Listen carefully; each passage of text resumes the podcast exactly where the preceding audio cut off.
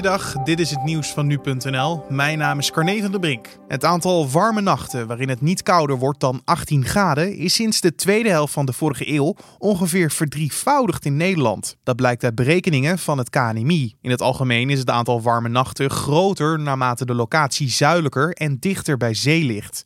Je ziet hier de dempende werking van de zee op temperatuurschommelingen, al dus het Weerinstituut.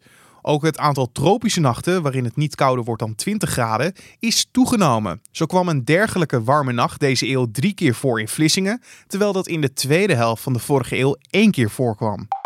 Samir A., een voormalig lid van de Hofstadgroep, is eind juni in Rotterdam gearresteerd vanwege de financiering van terrorisme. Dat meldt NRC.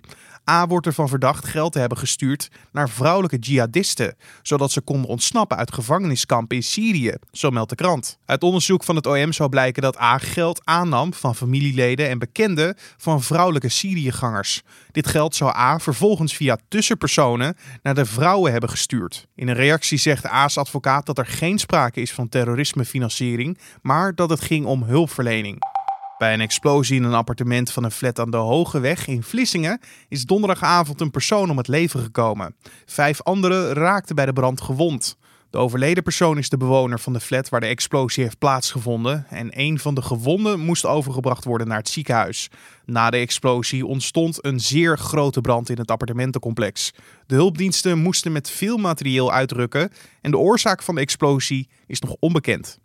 De staatsschuld is sinds februari tot eind vorige maand met 61 miljard euro toegenomen tot een totaalbedrag van 385 miljard euro.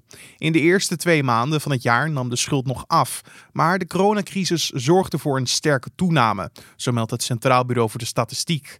De laatste keer dat de schuld in zo'n korte tijd zo snel toenam was eind 2008. Net als nu als gevolg van noodmaatregelen, al dus het CBS. De financiële positie van de Rijksoverheid is de afgelopen maanden snel verslechterd. De overheid kreeg veel minder geld binnen in de eerste helft van het jaar, 13 miljard euro minder vergeleken met dezelfde periode vorig jaar. De uitgaven waren in de periode tot en met juni juist flink hoger. En tot zover de nieuwsupdate van nu.nl.